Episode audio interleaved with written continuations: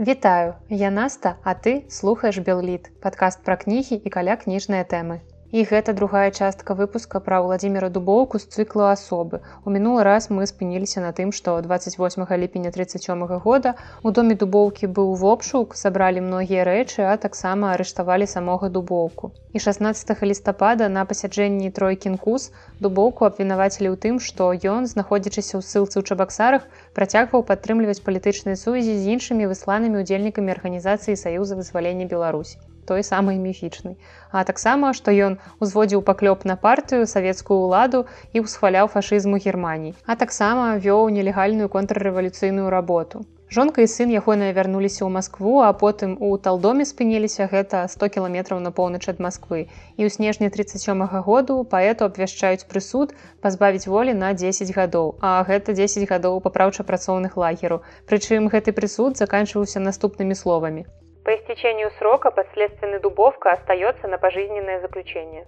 І перад тым, як этапаваць паэта на далёкі ўсход, яго смясцілі ў алатырскі бытавы лагер і там з ім змагла ўбачыцца жонка, праўда, на адлегласці, але яна перадала яму рэчы і паведаміла інфармацыю пра 10 гадоў лагеру, бо сам дубоўка нічога не ведаў і ён калі гэта пачуў ад жонкі, ён не паверыў, зразумела, што першая стадыя яго тут была адмаўленне. Ён пачаў казаць, што такога не можа быць, што няма ніякай справы і проста яго падтрымаюць да выбараў, а потым выпусціць але дубоўка яшчэ не ведаў як ён памыляўся. Далей была доўгая вандроўка па чыгунцы і дубоўка трапіў у бамлах. Гэта быў лагер па будаўніцтве другіх шляхоў на байкала-амурскай чыгуначнай магістралі у горадзе бірабіджан.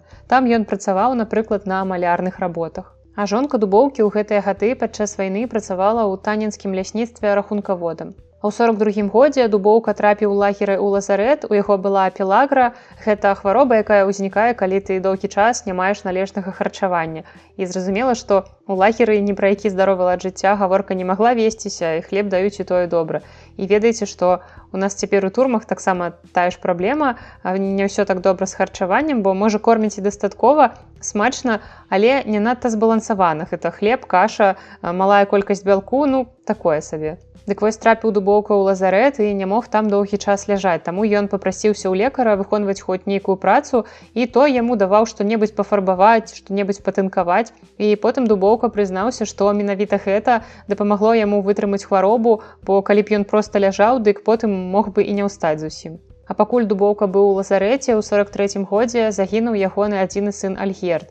Ён і яшчэ некалькі хлопцаў знайшлі артылерыйскі снарад і вырашылі яго кінуць у вогнішча і ўсе загінулі. І жонка яна доўга не магла паведаміць мужу пра гэтае няшчасце і тым больш ён хварэў, яна хвалявалася за яго, але потым усё ж такі напісала толькі не наўпрост дубоўку, яна напісала спачатку галоўнаму ўрачу лазарэта і загадала, што паведаміць вось пра гэтае здарэнне трэба толькі пасля таго, як муж ачуняе.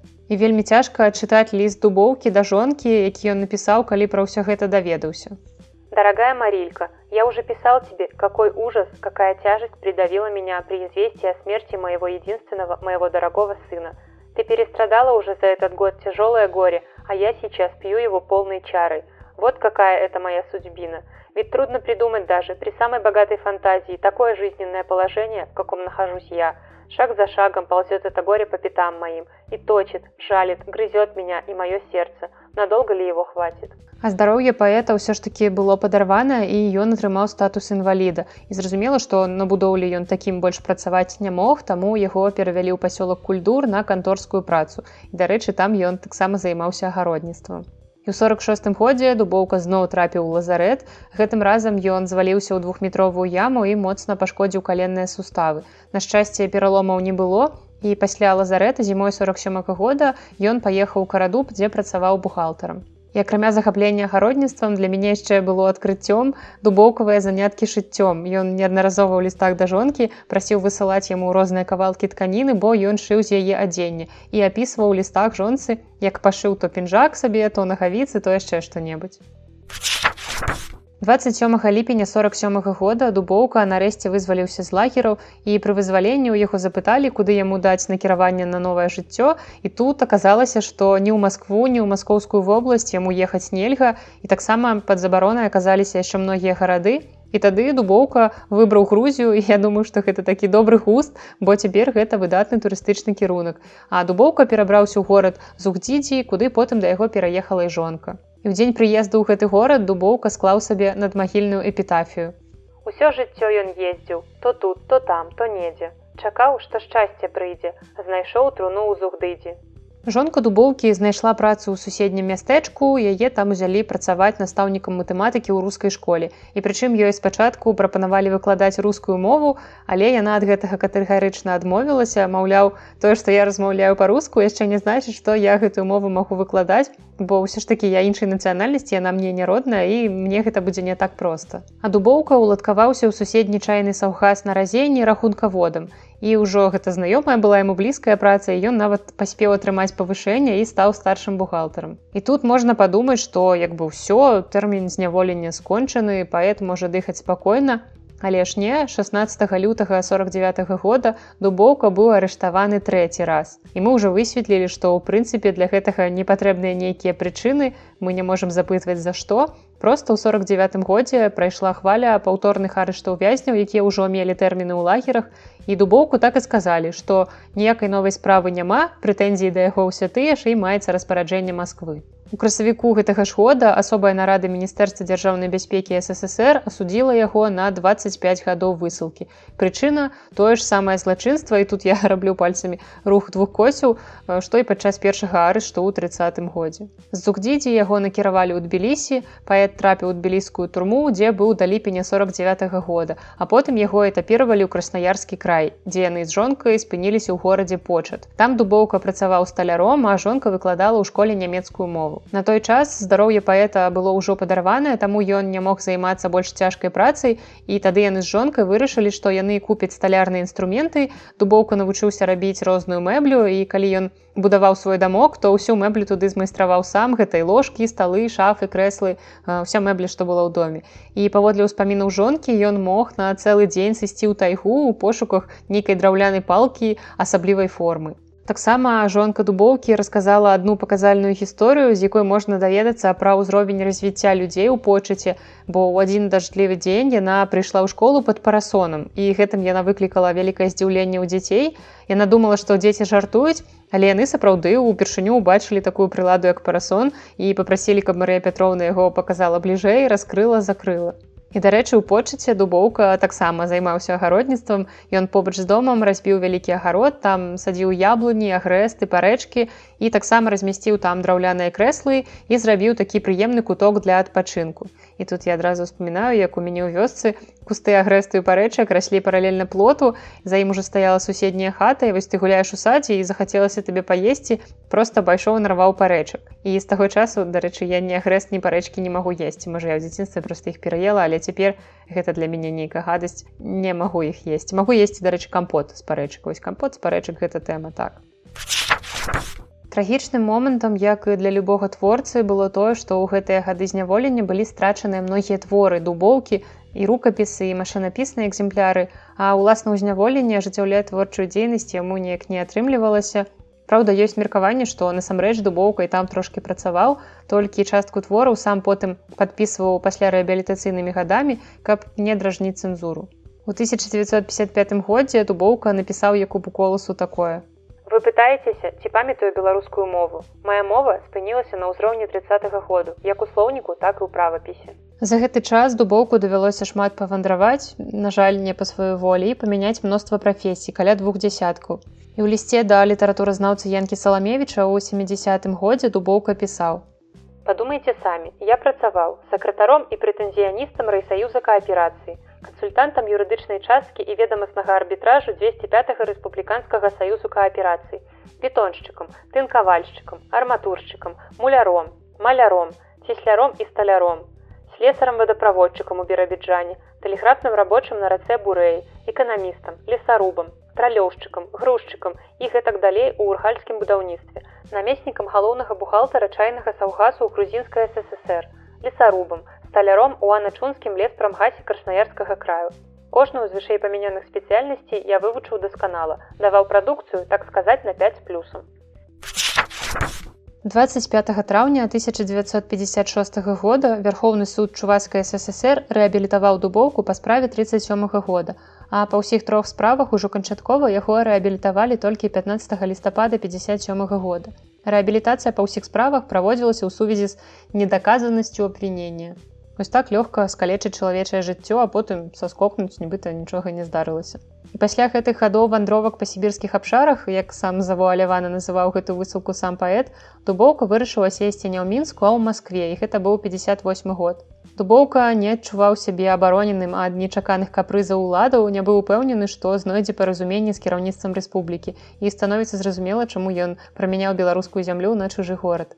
Але адразу пасля вызвалення ў 58 годзе дубоўка ўсё ж прыехаў мінск і яго пасялілі ў пакойчыку трэцяй савецкай гасцініцы і якая злая іронія.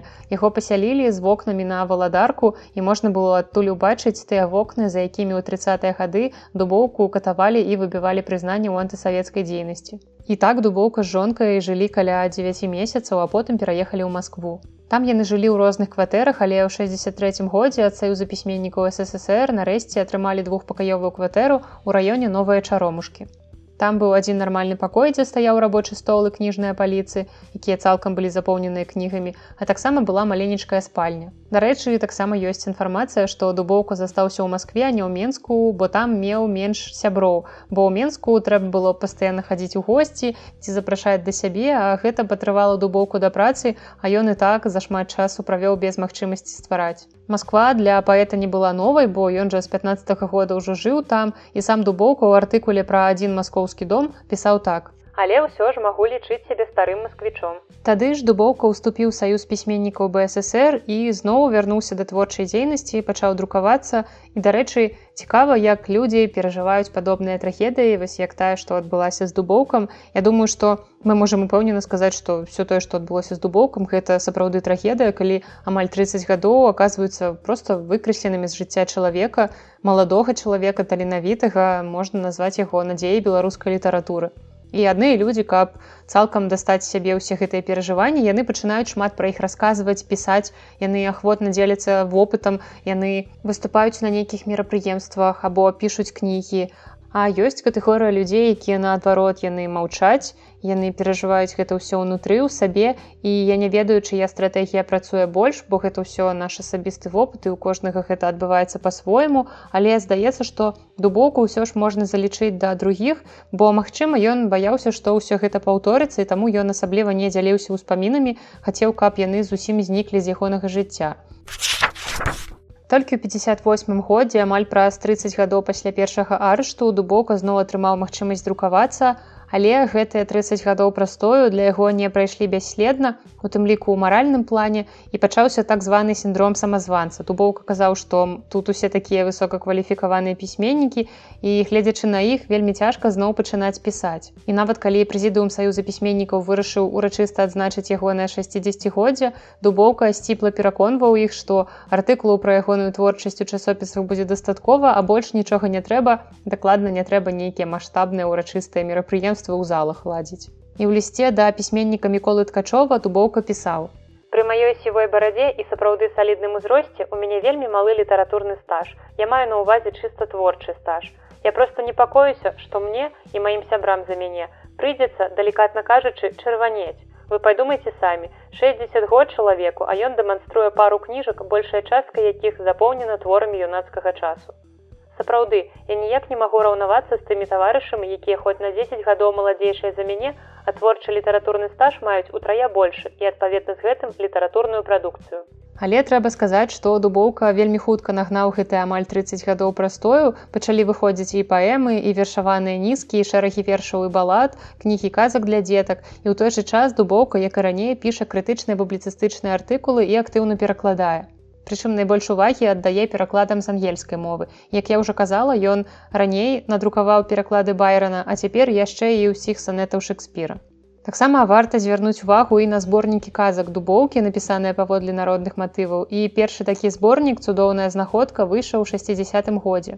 Дубоўка расказваў, што на стварэнне гэтай кнігі яго натхнілі самі дзеці, бо ён іх вельмі любіў, часта прыходзіў на сустрэчы з дзецьмі і каб не прыходзіць з пустымі рукамі, ён пачаў пісаць казкі і вершы. І тыя, што дзецям найбольш заходзілі, ён уключаў і кнігу. Такім чынам у зборніка можна сказаць былі бета-рыдары.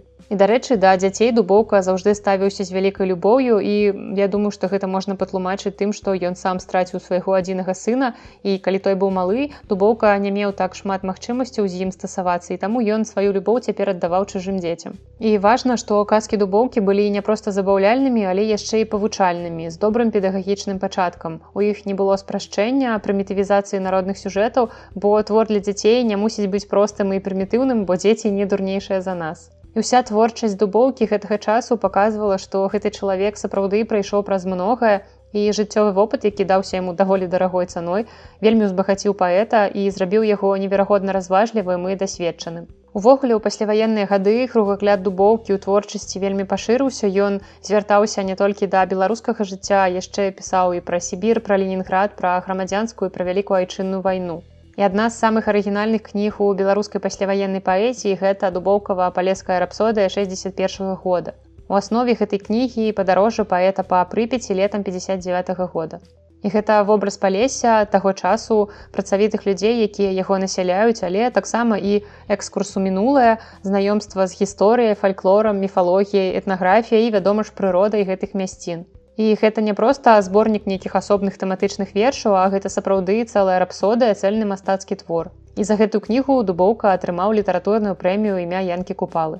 І тут варта заўважыць важнае адрозненне гэтай паэзіі дубоўкі ад яго твору двадцатых гадоў, бо тады ён рэдка адгукаўся на актуальныя падзеі і рэдка звяртаў увагу сваіх творах на нешта штодзённае. Але цяпер яго творы непасрэдна знітаваныя з часам. І, магчыма, гэта якраз сведчанне яго аспеласці і сталасці як творцы. У 61 годзе дубоўка надрукаваў асобным выданнем палескую казку як сінячок да сонца лётаў і таксама выпусціў кнігу вершаў і перакладаў. У 63 годзе асобным выданнем выйшла яго казка дзівосныя прыгоды і зборнік вершаваных казак паводле народных матываў кветкі сонцавы дзеткі. І ў гэтым жа годзе ў часопісе полымі быў надрукаваны ягоны аўтабіяграфічны артыкул сярод людзей добрых. А ў 64 годзе ў выдавестве Беларусь асобнай кнігай была надрукаваная казка мелавіца і ў тым жа выдавестве выйшлі ягоныя пераклады санетаў Шекспіра. Атрымліваецца, што друк пайшоў вельмі актыўна і ў 65 годзе выйшлі ягоныя выбраныя творы ў двух тамах і пераклад на рускую мову казак хто сильнее і чудесныя приключения. А ў 67 годзе ў выдавестве Беларусь друкуецца аповесць жоўтая акацыя і ў 69 годзе яе працяг аповесць Ганна Алелька. А ў 73 годзе выйшла кніга пялёсткі, гэта зборнік кароткіх апавяданнях абразкоў і ўсе яны пераважна аўтабіяграфічныя, гэта розныя эпізоды з жыцця паэта ці блізкіх яму людзей. Некаторыя гісторыі я згадвала ў сваім падкасці раней. І гэтыя гісторыі вельмі цёплыя, утульныя яны з гумарам, з іроніяй, але часам і з глыбокімі філасофскімі роздумамі. У 74 годзе была надрукаваная дзіцячая аповесць, як Алік у тайзе заблудзіўся. І тут мы бачым, што не спрацавала пільнасць савецкай цэнзуры, бо пад выглядам дзіцячага твора дубоўка ў гэтай аповесці расказаў пра свой вопыт сталінскага вязня і вопыт выжывання ў сібірскай тайзе. У 75 годзе ў выдавецтве мастацкая літаратура выйшла апошняя прыжыццёвая кніга дубоўкі гэта зборнік казак залатыя зярняты. А таксама ў альманаху дзень паэзіі была змешчана яго паэма усходняя казка і сібірская быль. Літаратуразнаўца Змітры Бугаёў пісаў пра дубоўкаву творчасць пасля вяртання з лагераў так. Аднак жа дубокавая творчасць пасляваенных гадоў пры ўсёй яе важкасці і ў нечым унікальнасці ўжо не была вызначальнай у літаратурным працэсе гэтай пары. А галоўнае, што паэт, які меў усе шансы стаць у нацыянальнай літаратуры вялікім класікам, быў гвалтоўна пазбаўлены магчымасці больш-менш поўна рэалізаваць свой магутны творчы патэнцыял. Гэтыя магчымасці ў вялікага жыццялюба і пакутніка адабрала таталітарная дзяржава. Таксама Дмітрый Бугаёў у сваёй манаграфіі падкрэслівае, як важна памятаць, што ў сталыя гады дубоўка пастаянна ў Беларусі не жыў. Ён не вучыўся ў беларускіх і беларускамоўных навучальных установах і беларускую мову ён спецыяльна не вывучаў. Але гэта яму не перашкодзіла любіць усё роднае і менавіта гэтая любоў дапамагала дубоўку, бо ён цікавіўся беларускім фальклорам і мастацкай літаратурай. І дубоўка ў аўтабіяграфіі сярод людзей добрых пісаў. Я ніколі не вучыўся ні ў якіх беларускіх школах. Усё мае веданне беларускай мовы ад маці і з вёскі. Вось чаму я маю поўную падставу называць беларускую мову матчынай мовай. Падчас знаходжання ў Маскве дубоўка зведаў вялікі ўплыў рускай культуры літаратуры, але ж у гэты час не забываў і пра беларускую. І з газеты наша ніва ён знаёміўся з творчасцю купалы, напрыклад, якога ставіў на першае месца ў пантэоне беларускіх літаратараў. І таксама чытаў творы Богдановича і іншых беларускіх аўтараў. І калі вучыўся ў настаўніцкай семінарыі, то дастаў зборнікі купалы жалейка і шляхам жыцця і называў купалу самым любімым паэтам з усіх паэтаў свету. І нават адрасаваў яму вершы.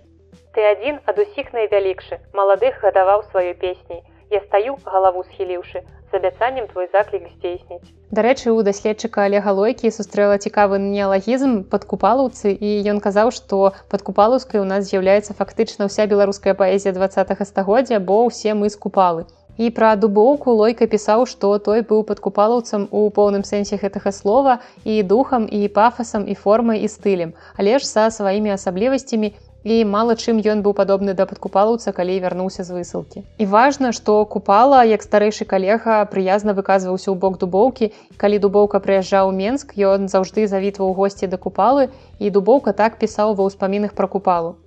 Іван Дамінікавіч заўсёды даручаў мне пачытаць у голас яго новыя ненадрукаваныя творы. У часе гэтага чытання ён рабіў нататкі на паперы Гэта казаў ён, я правяраю, бо сам сабой часам прапусціш якую нязграбніцу. У адным з мінулых выпускаў я рассказывала пра апошнюю кнігу Альгерда Бахарэвіча, дзе ён таксама падкрэсліваў, як важна літаратару, каб нехта чытаў яму ўслых ягоныя творы, бо так зусім па-іншаму чуеш сваю творчасць і можаш заўважыць у ёй недахопы. Акупала яшчэ казаў маладому дубоўку так. Я толькі дзяржавін, ты пушкін. Тут купала меў на ўвазе, што для дубоўкі ён толькі папярэднік, а дубоўку самому наканавана стаць класікам беларускай літаратуры. Дубоўка быў вельмі чуйны да меладычнасці слова, ён стаў майстрам гукавой інструментоўкі і рытмічнай разнастайнасці верша. І да таго ж ён заўжды імкнуўся актыўна ўзбагачаць лексіку сваіх твораў і ўводзіў новыя словы жывой народнай мовы і пашыраў значэнне ўжо існуючых слоў і дубоўка прапанаваў мноства новых слоў многія з якіх ужо трывала замацаваліся ў беларускай мове. І думаю што многія з іх вы штодзённа выкарыстоўваеце ў размовах напрыклад слова адлюстроўваць але ў той жа час многія словы з вершу дубоўкі двадцатых гадоў будуць падавацца нам даволі спецыфічнымі. І гэта як дыялектызмы так і ўласна аўтарскія слоўцы. Вось паслухайце напрыклад такія словы сквіл скелзы трыкліні ці з'яўляецца у вас нейкія асацыяцыі? Бо ў мяне напрыклад зусім не беларускія асацыяцыі напрыклад скел загучыць як прозвішча ангельскага футбаліста пола скоуза і вось яшчэ крыху нязвыклы слоў якія піша дубоўка. Хіжыць дрвіцца соўкаць і сам дубоўка ў лісце да бугаёва прызнаваў што ў наш час а ліст быў напісаны ў 63 годзе гэтыя словы выбіваюцца з агульнага рэчышча літаратурнай лексікі. Але справа ў тым што за падобную лексіку дубоўку папракалі яшчэ і ў тыя гады ў двадцатыя і яму даводзілася тлумачыць значэнне асобных выразаў у сваіх творах І яшчэ трошкі пагаворым пра знешнасць дубоўкі, бо тыя, хто бачыў яго на свае вочы, маглі ўпэўнена сцвярджаць, што ён быў мужным і фізічна развітым чалавекам. І гэта ў іх было сямейнае, бо ў лісце да літаратуразнаўцы Юліяна Пшыркова дубоўка ўспамінае свайго прадзеда па бацькавай лініі, які пражыў 103 гады і паводле расказу суседзяў быў асілкам і пра ягоную сілу хадзілі легенды. А яшчэ ён ведаў беларускія назвы розных зёлак і зорак і дубоўка вельмі шкадаваў, што гэта ўсё за ім не запісваў. Прадзед памёр у 103 гады, але здаецца, ён мог жыць і далей і вось якая там адбылася гісторыя. Бо на 103 годзе жыцця ён стаў сляпым і вельмі пакутаваў ад гэтага казаў, што цяпер ён сям'і абсалютна бескарысны, нічым не можа дапамагчы, а значыць, ён не заслужыў есці хлеб і ўсе яго супакойвалі маўляў што яны яму і сляпому знойдуць якую працу напрыклад каб ён там кіёчкам якім стукаў па плоце каб куры ў агарод не лезлі. І такая прапанова яго не задаволіла ён просто лёг на ложак і тры дні ляжаў не еў і не піў. І так і праз тры дні памёр. І атрымліваецца што ён памёр не сваёй смерцю і ніхто не ведае колькі б ён мог яшчэ пражыць і сляпым калі вось не такая упартасць яшчэ у аўтабіяграфічным зборніку пялёсткі ў апавяданні як старадаўнія рымскія пісьменнікі гасцявалі ў нашых агародніках дубоўка расказваў цікавы факт пра свайго дзеда хведара.